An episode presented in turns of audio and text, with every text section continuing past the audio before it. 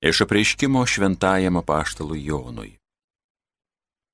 Man Jonui buvo pasakyta, štai mano du liudytojai. Jie yra du alyvmedžiai ir du žibintuvai, stovintys viso žemės viešpaties akivaizdoje. Jei kas panorės juos kreusti, iš jų burnos įsiverš ugnis ir praris jų priešininkus. Jei kas norės jiems kenkti, tas irgi taip žus. Jie turi galę užrakinti dangų, kad jų pranašavimo dienomis nelytų lietus.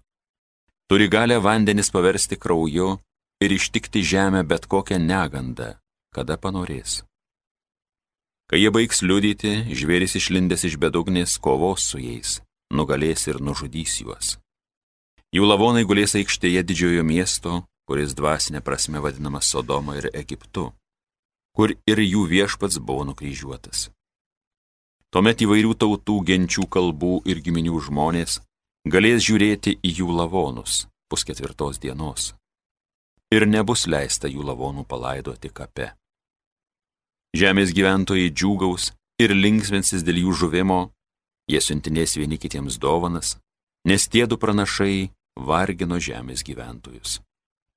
O po pusketvirtos dienos gyvybės dvasia nuo Dievo įžengė į juodu Jie pašoko ant kojų ir didžiulį baimį pagavo tuos, kurie į juos žiūrėjo. Tada jie išgirdo galingą balsą iš dangaus, kuris jiems šaukė - Užženkit šian. Ir jėdu užžengė į dangų debesyse, o jų priešai žiūrėjo į juodu.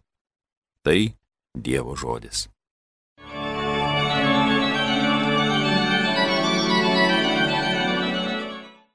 Šlovė viešpačiui, mano tvirtoviai. Šlovė viešpačiui mano tvirtoviai, jis miklina mano ranką kautynėms, kumštį grumtynėms, šlovė viešpačiui mano tvirtoviai. Jis man pilis, mano meilė, priedanga ir vaduotojas mano, man jisai prieglaudas skydas, davė tautas man valdyti, šlovė viešpačiui mano tvirtoviai. Tau Dieve naują giesmę sukursiu, skambinsiu tau dešimtstygę arfą, mūsų valdovams pergalės duodi gelbėjai Dovydą savąjį tarną. Šlovė viešpačiui mano tvirtoviai. Alleluja, alleluja, alleluja. Mūsų išganytojas Jėzus Kristus sunaikino mirtį ir nušvietė gyvenimą savo Evangeliją. Alleluja.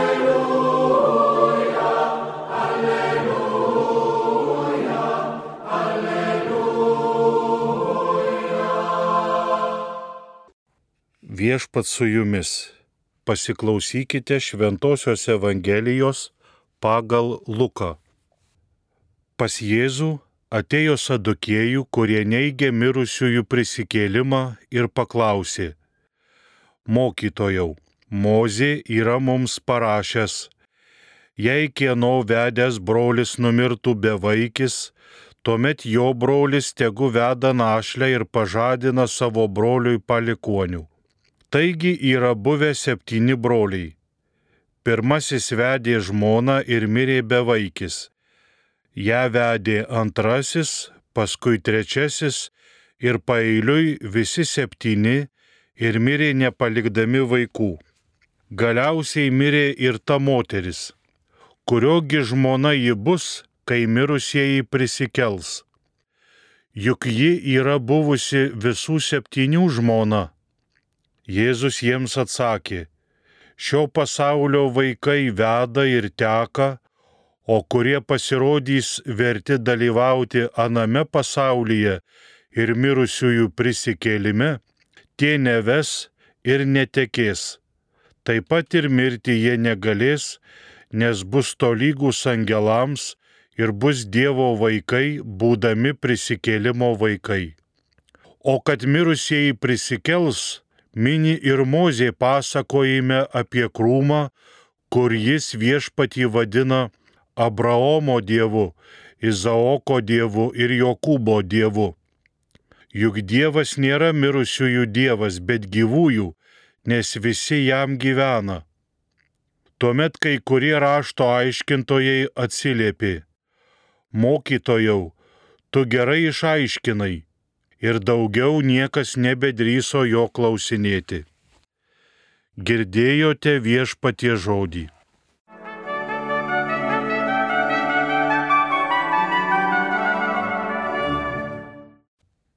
Klausimas apie mirusiųjų prisikėlimą, apie amžiną įgyvenimą žmogui nuo seniausių laikų kelia nerimo, mąstymo, kelia susidomėjimą ir žmogus visada apie tai svarsto, kaip mes girdime ir šiandienos Evangelijoje. Galima būtų sakyti, kad žmogus visa savo savastimi net ir trokšta būti amžinas.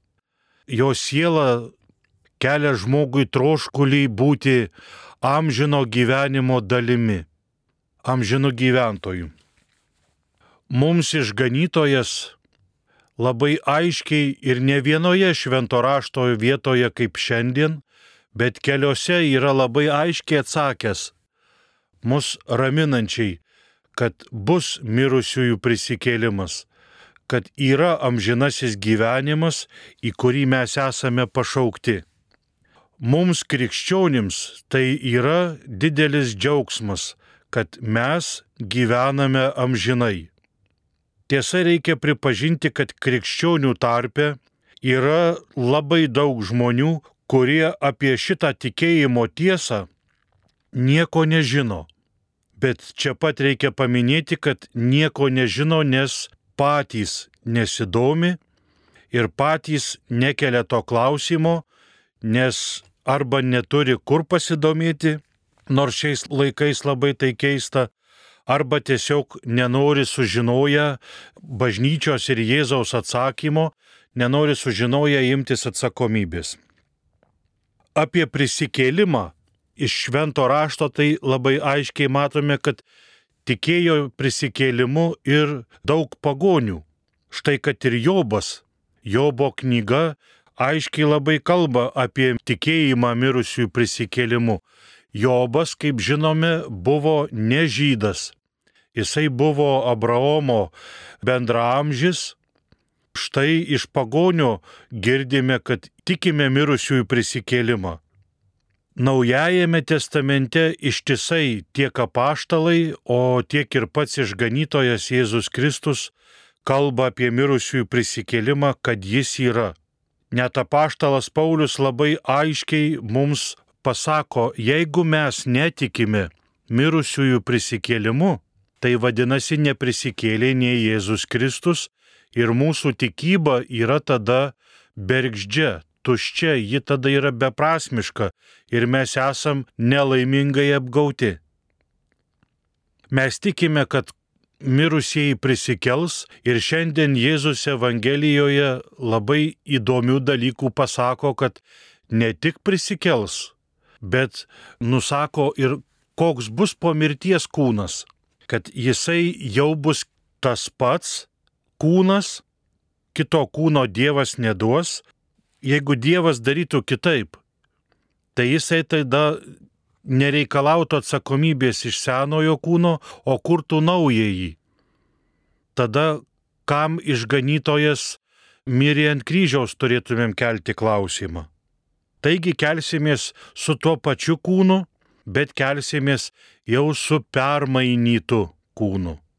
Kodėl kūnas prisikels?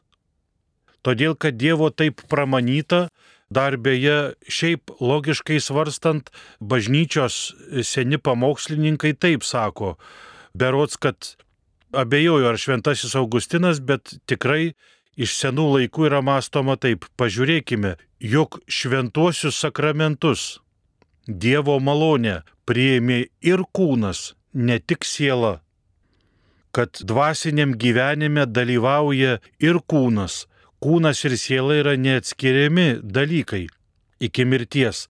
Tai būtent ir sudaro žmogų. Jeigu kūnas arba siela yra atskirai, tai mes kalbame apie dvasę, gali būti apie angelą arba velnę, gali būti, kad kalbame apie gyvulį. O kada kalbame apie tai ir tai kartu, kalbame apie žmogų. Taigi kūnas žmogaus kelsis, bet jau netoksai pats.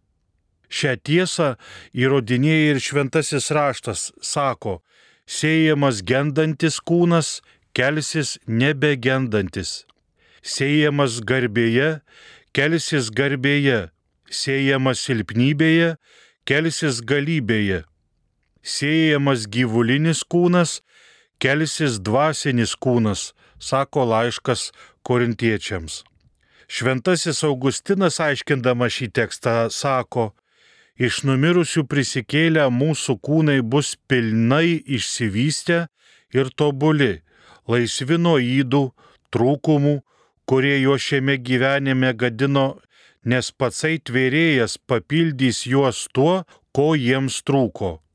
Kas buvo nustota lygoje, nelaimėse, senatvėje, bus gausiai atlyginta Kristaus visagalybė, sako šventasis Augustinas. Sanariai prarasti šiame gyvename bus sugražinti pilnybėje.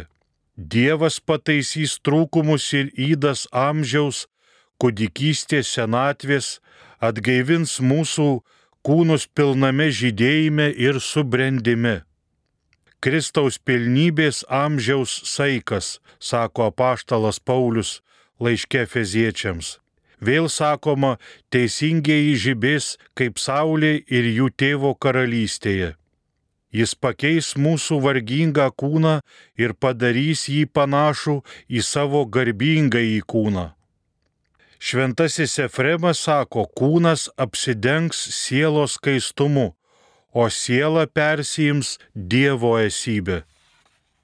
Kūnas įgis nemirtingumą, sėjamas gendantis kūnas kelsis negendantis, sako vėl šventasis raštas. Kūnas nekentės jokio skausmo, nei vargo, nepatirs nei bado, nei lygų, nepatirs neteisingos valdžios įkyrumo, nei pikto žmogaus keršto. Kaip apreiškimo knygoje parašyta, Dievas nušuostys nuo jo akių kiekvieną ašarą, nebebus daugiau nei mirties, nei liūdėsio, nei šauksmo, nei skausmo daugiau nebebus, nes kas buvo pirma, tas išnyko. Kūnas įgis skaistumo. Sėjamas negarbėje kelsis garbėje, įgis tokio spindėjimo, kokį apaštalai regėjo Jėzui persimainant ant taboro kalno, kada jo veidas prašvito kaip saulė ir drabužiai išbalo lyg sniegas. Išganytojas sako, mato Evangelijoje, teisingiai žibės kaip saulė savo tėvo karalystėje. Kūnas įgis lengvumo ir lakumo. Kūnas įgis dvasiškumo. Sėjamas gyvulinis kūnas kelsis dvasinis kūnas, sako apaštalas Paulius.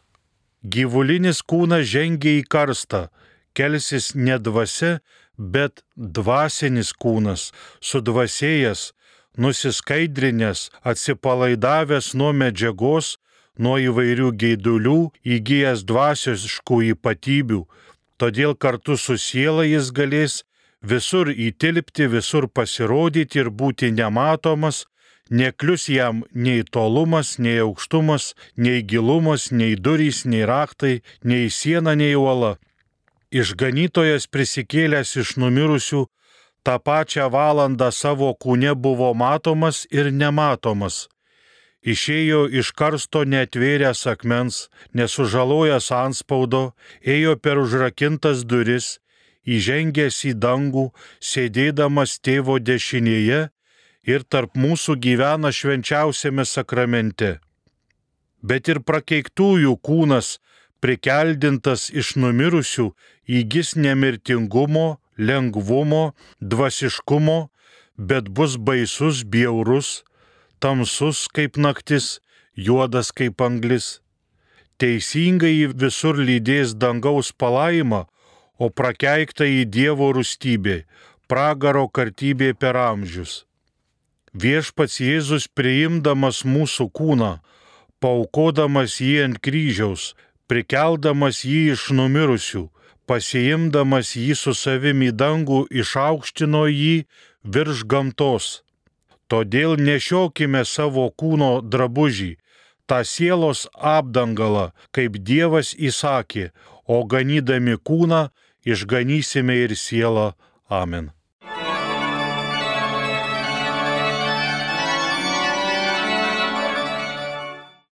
Homilyje sakė kunigas Arūnas Simonavičius.